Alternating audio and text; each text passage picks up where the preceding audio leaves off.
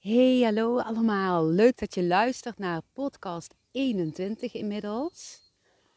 Ik zit hier midden in de natuur. Ik zeg altijd, dit is uh, mijn geheime plekje. Ik heb hier nog nooit eerder iemand gezien. De boer die zal hier vast nog wel ooit het gras maaien, maar ik heb uh, dit plekje even gereserveerd. Dat is wel heel grappig. Ik wilde gewoon heel graag vandaag ja, wat verhalen vertellen over hoe ik kijk met mijn derde oog. En ja, ik zie bijna alles via mijn derde oog. En dan uh, ga ik even kijken van welke plek wil ik die podcast inspreken. En toen zag ik deze plek. En dan weet ik ook van ja, hier voelt nu de energie het beste om dit zo in te spreken. Nou, en dan kan ik niet anders dan daarna luisteren natuurlijk. Nou, in de vorige podcast hebben we al een beetje gehad over hè, hoe je ja, beelden kunt zien door middel van je eigen kleurentaal leren kennen en symbolentaal.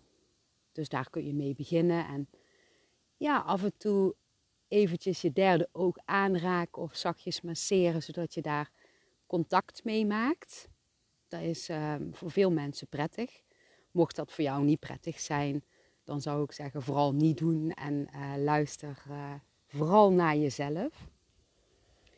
En ja, weet je, heel de dag door kijk ik eigenlijk met mijn derde oog, meer als met mijn aardse ogen, zeg ik dan altijd maar zo.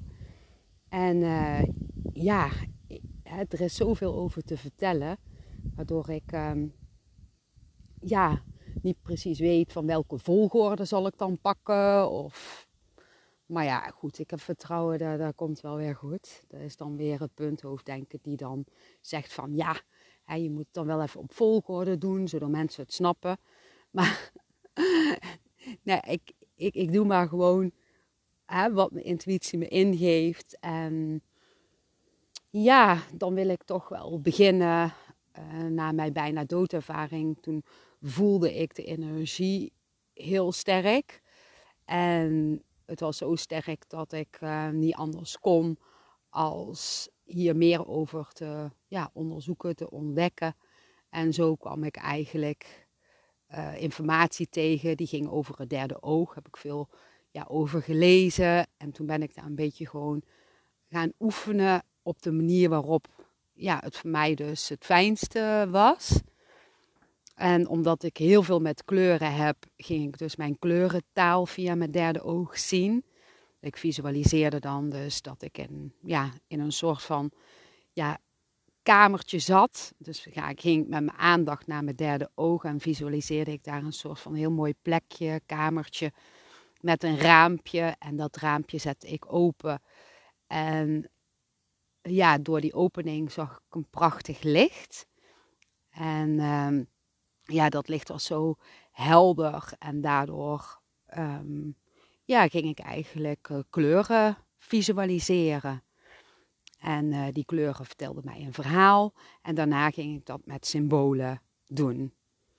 Nou, en uh, omdat mijn creatieve energie ja, nogal in werking werd gezet nadat ik de bijna doodervaring heb gehad, ging ik ook tekenen. En in eerste instantie tekende ik gewoon ja, schetsjes, allemaal verschillende vormen. En die vormen, daar voelde ik dan van alles bij. En ja, toen uh, brak de dag aan dat ik jarig was. En ik had echt zoiets van, oh, ik wil vandaag een hele speciale wens doen. En ik wenste uit het diepste van mijn hart dat ik uh, ja, nog meer informatie kon halen uh, vanuit, vanuit de tekeningen die ik, uh, uh, die ik ging maken. En die ik ook al had gemaakt. En dat ik van daaruit ook beelden zou kunnen zien. En oh, dat voelde zo, zo krachtig en zo sterk toen ik dat wenste. Ik voelde het gewoon door heel mijn lichaam gaan. Ik voelde zo'n ja, sterk verlangen. En ik wist dat daardoor heel veel ook duidelijk uh, zou worden. Wat ik niet wist, was dat het niet altijd gemakkelijk zou zijn. Want uh, mijn ego had zoiets, hè, mijn punthoofddenker, die zei van... Nou, dat is dan lekker handig als je dat allemaal zo kan zien. Dus uh, die was eigenlijk wel nieuwsgierig. Die geloofde er helemaal niks van. Maar die wilde het dan wel eens allemaal, allemaal zien. Maar goed, uh, nou, ik had die wens gedaan en ik ging meteen daarna ging ik een tekening maken. En dat gewoon, was gewoon met een potloodje en, en een kladpapiertje. Ik ging gewoon een, een ja, schetsje tekenen. En mijn punthoofddenken zei van, ja, wat is dat nou weer? Wat ben je aan het doen?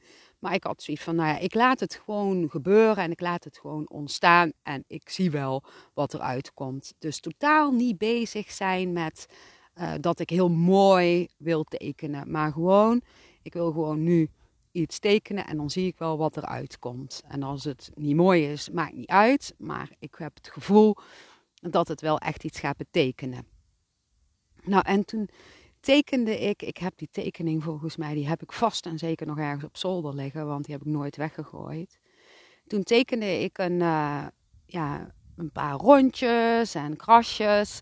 En toen ontstond daar een soort van ja, poppetje uit, wat zelfs een klein kind kan tekenen. En dat poppetje had een, een dikke buik. En ik keek daar zo naar. En toen zag ik eigenlijk ja, een zwangere vrouw. En daarnaast tekende ik nog een poppetje. En dat poppetje uh, zat met een paar krasjes uh, aan die buik van die vrouw.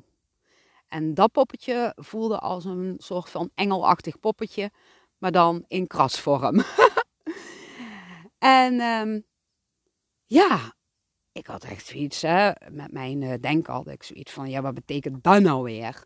En toen sloot ik mijn ogen en toen ging ik eens voelen en ik richtte mijn aandacht op mijn derde oog en ik visualiseerde daar licht.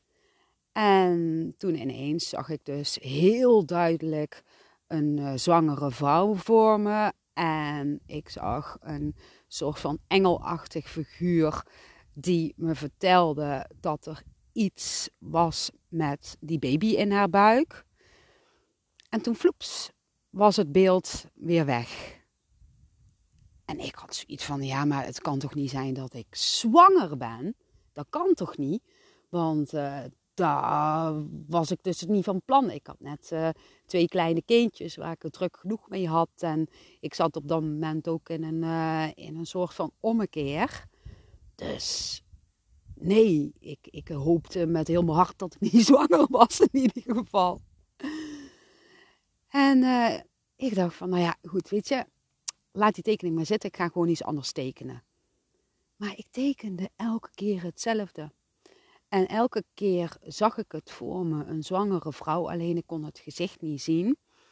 En ja, een soort van engelachtig wezentje wat aan haar buik zat. En het voelde alsof het kindje ja, niet goed was. Heel erg apart. En ik bleef het maar zien dagen en ik bleef het maar tekenen dagen. Ik heb denk ik misschien wel 25 keer dezelfde schets getekend. Ik kon niks meer anders tekenen. En toen had ik zoiets van, ja, wie is er eigenlijk zwanger? Dat kwam ineens in me op. Nou, en toen kwam ik erachter van, oh ja, die ene vriendin, die is, uh, die is zwanger. Dat was best wel een goede ja, vriendin van mij. En ja, toen voelde ik op haar in, dus ik voelde haar energie. En ik ging met mijn aandacht naar die baby van die vriendin.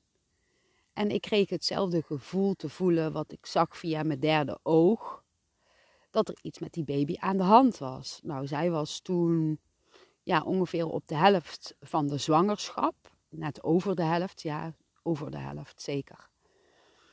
En ja, ik voelde ook dat ik niet kon zeggen dat ik dit zomaar had getekend en gevoeld.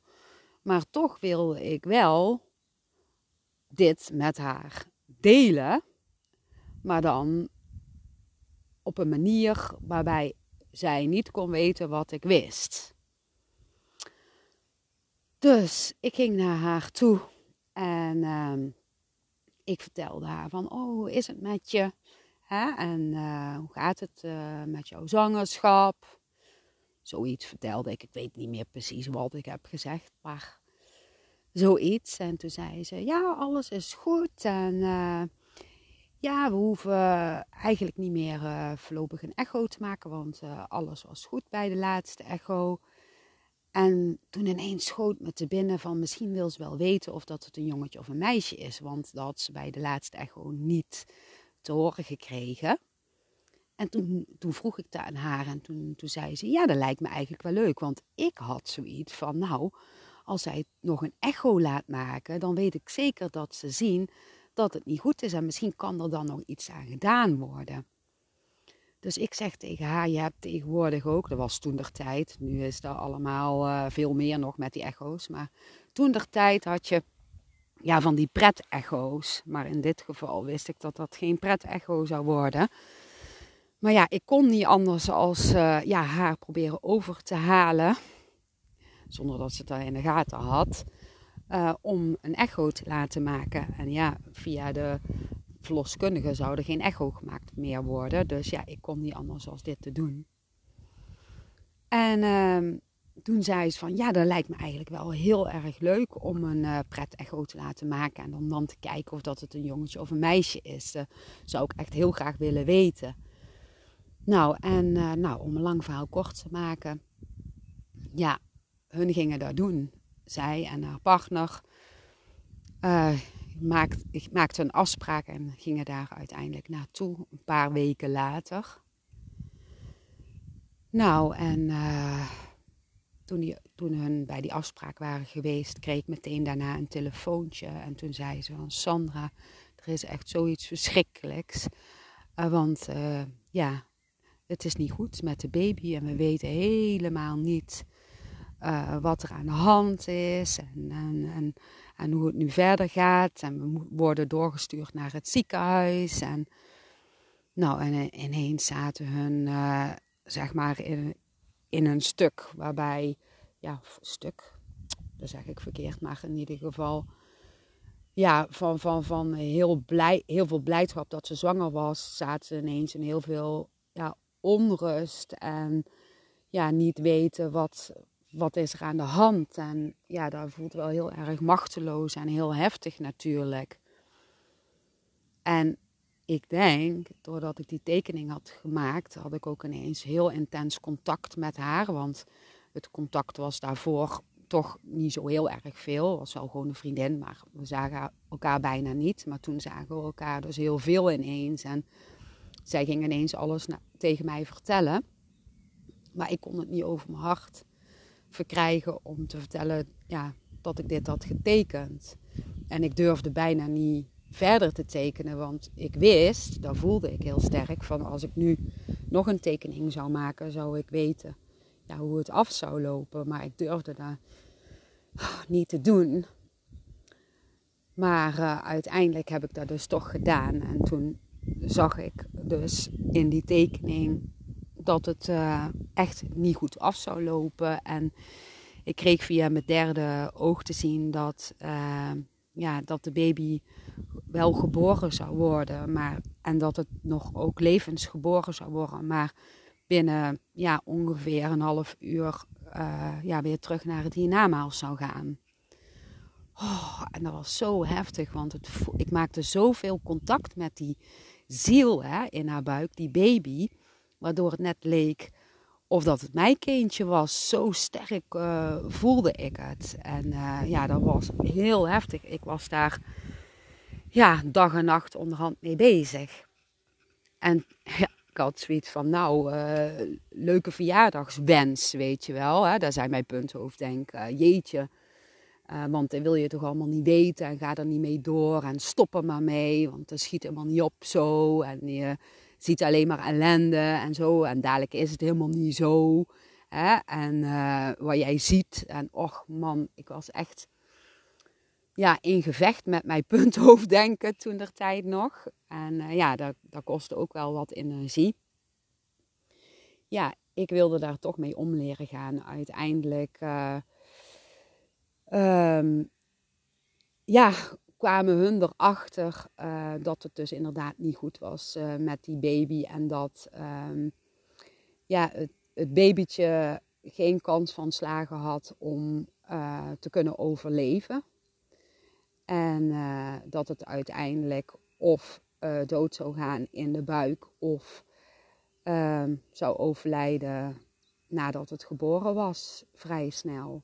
Dat hoorden ze. En uh, ik zag ook uh, ja, dat, dat, ja, hoe dat zat met die organen van die baby. Dat kon ik ook via mijn derde oog allemaal zien. En van daaruit bleek ook van ja, dat, dat is gewoon niet mogelijk om dat te opereren of, of, of wat dan ook. Dat, dat was dat allemaal zo verkeerd. Nou, en um, ja, wat konden ze doen? Ze konden of uh, de baby, um, ja, dat ze de baby uit zou dragen. Um, en ze was geloof ik, uh, ja, 28 weken was ze, was ze zwanger. Of ze konden ervoor kiezen om ingeleid te worden en dat dan de baby, uh, of ja, de, de bevalling op gang zou komen ja, ik had zelf het gevoel dat dat het beste voor haar was. Hè, maar dat is natuurlijk een beslissing die heel persoonlijk uh, is. En uiteindelijk heeft ze dat wel gekozen. En uh, oké, dat gebeurde. Allemaal super heftig en heel erg verdrietig. En het duurde en het duurde en het kwam maar niet op, gang. En het duurde gewoon, ja, hè, meestal ja, ik weet, ik heb helemaal geen stand van, maar meestal komt dat toch wel na één of twee dagen op gang. Maar het duurde al drie dagen en ja, er was nog niks, weet je wel. er was geen, um, ja, hoe noem je dat? Eh, het kwam er gewoon niet uit. En uh, toen stuurde ik haar heel veel uh, energie. Ik weet niet of dat heeft geholpen hoor, maar ik voelde wel ja, dat, dat, uh, dat ik daardoor wel een bepaalde verbinding maakte met mijn vriendin en met, uh, met baby. En toen was het midden in de nacht. En op een gegeven moment um, begint mijn zoontje te huilen. Die was toen nog ja, vrij klein. En daardoor werd ik wakker. En ik haalde hem uit zijn bedje. En ik legde hem op mijn buik. En daar werd hij heel rustig van. En ik had het gevoel dat mijn zoontje kon voelen um, ja, wat er zich zou afspelen. En wat speelde zich op dat moment af. Dat mijn vriendin ja, op dat moment ook dus begon te bevallen. En ik sloot mijn ogen en ik kreeg een uh, visioen te zien van uh, ja, het babytje en ik zag een heel mooi wolkje. En uh, ik, ik zag dat, dat zieltje, dat babytje, zag ik gewoon zwaaien naar mij. En ik voelde alleen maar ja, dankbaarheid en liefde. En ze zei met haar energie, dus niet met woorden, maar met haar energie van ik leef zo nog. En wil je tegen papa en mama zeggen dat ze mij vast uh, mogen houden. En dat ze daardoor heel veel liefde gaan voelen. En van daaruit keer ik terug naar het hiernamaals. En vloeps, het beeld was weg. En mijn zoontje was in slaap gevallen, heel rustig. En ik aaide hem over zijn bolletje. En ik voelde de liefde tussen mij en mijn zoontje. En ja, ineens gaat de telefoon. En uh, dat was de, de partner van mijn vriendin. En die zegt tegen mij: Sandra, het is nu begonnen en uh, ja, ik bel jou uh, zo terug als, als ze is geboren. Dat ging om een meisje. En ja, ik bleef maar energie sturen en ik voelde de verbinding en ik kreeg steeds hetzelfde te zien wat ik net met mijn derde oog had gezien. Nou, en toen ging weer de telefoon en toen uh, hoorde ik hem huilen. En uh, ook mijn vriendin hoorde ik huilen op de achtergrond. En uh, toen zegt hij tegen mij van... Sandra, ik durf, ik durf haar niet vast te houden. Ik vind haar zo eng. Ik, we weten eigenlijk niet wat we moeten doen. En toen zei ik uh, tegen hem van, wil je alsjeblieft haar vasthouden en dan zul je heel veel uh, liefde gaan voelen en van daaruit zal ze teruggaan naar het hiernamaals. Maar geboorte is zo liefdevol en intens en mooi. Maar als ze terug naar het hiernamaals gaat, dan zal, zal jullie een energie voelen die nog intenser zal zijn. En toen hing ik op. En uh, ja, daarna, toen, uh, ja, ik ben gewoon in slaap gevallen. Ja, dat duurde wel even dus hoor. En uh, daarna, toen um, sprak ik um, hun later. En toen zei hij van, ehm, ja, want die, die, die, die partner van, hem, van, van mijn vriendin zag ik als eerste.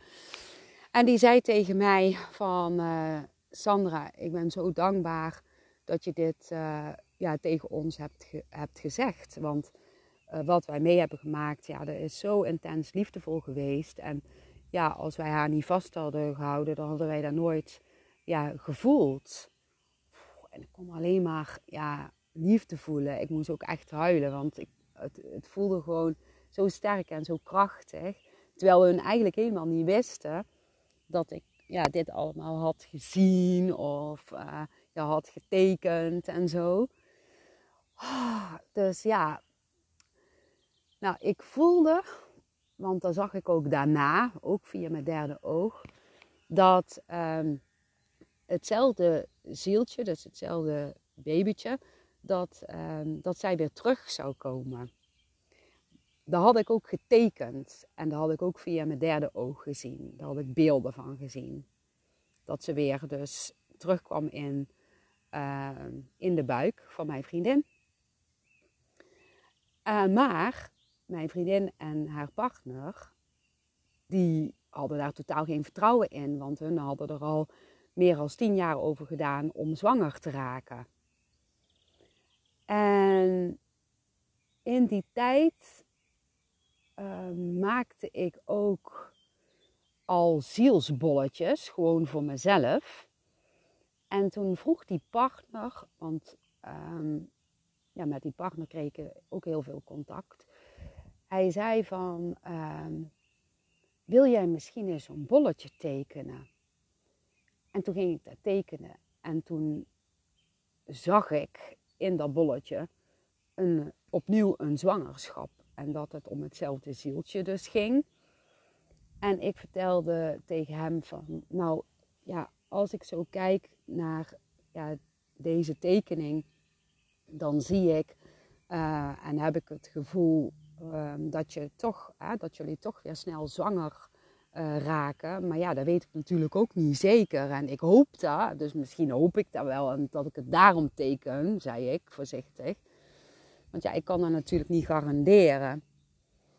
En uh, ja, op een of andere manier was hij wel wat gerustgesteld. Maar ik had zoiets uh, van, hè, en vooral mij denken van Sandra, doe normaal. Dadelijk geef je ze valse hoop. En waar ben jij in godsnaam mee bezig? En houd toch eens op met dat geteken.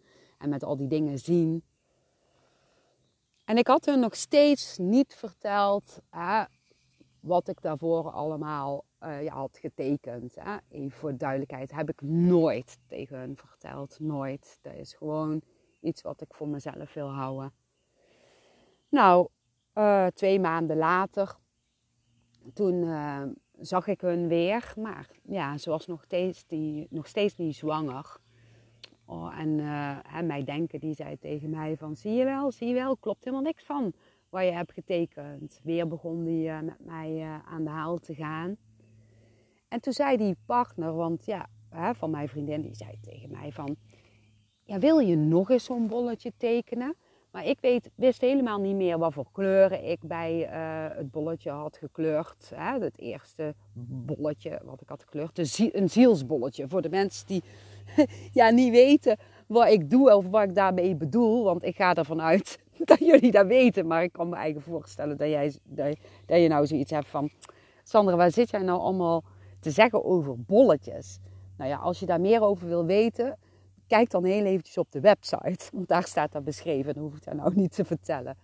Maar in ieder geval, uh, ik tekende weer zo'n bolletje. En uh, ja, toen voelde ik precies hetzelfde. En toen zeg ik tegen hun van... Mag ik dat, dat, dat, dat bolletje wat ik twee maanden geleden ongeveer heb getekend... Mag ik dat eens zien? En toen uh, keek ik daarna. En toen was het dus exact, exact dezelfde kleuren, dezelfde vormen. Precies hetzelfde bolletje. En ik had best wel al veel van die bolletjes getekend, maar nog nooit exact dezelfde. En toen had ik echt zoiets van: oké, oké, dit is geen toeval. En een paar weken later, toen waren ze opnieuw zwanger. Weer zwanger van een meisje. En uiteindelijk is dat meisje geboren. En dat meisje is nu al ja, geen klein meisje meer, maar een volwassen dame. En dat is zo mooi. En zoiets vergeet je nooit meer. En dat was eigenlijk het begin um, hoe ik leerde kijken ja, door mijn derde oog.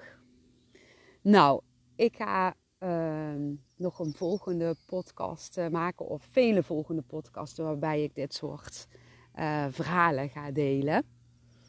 En eh, dan kom ik later weer bij jullie terug. Ik wens jullie heel veel liefs en tot de volgende keer. Doei doei!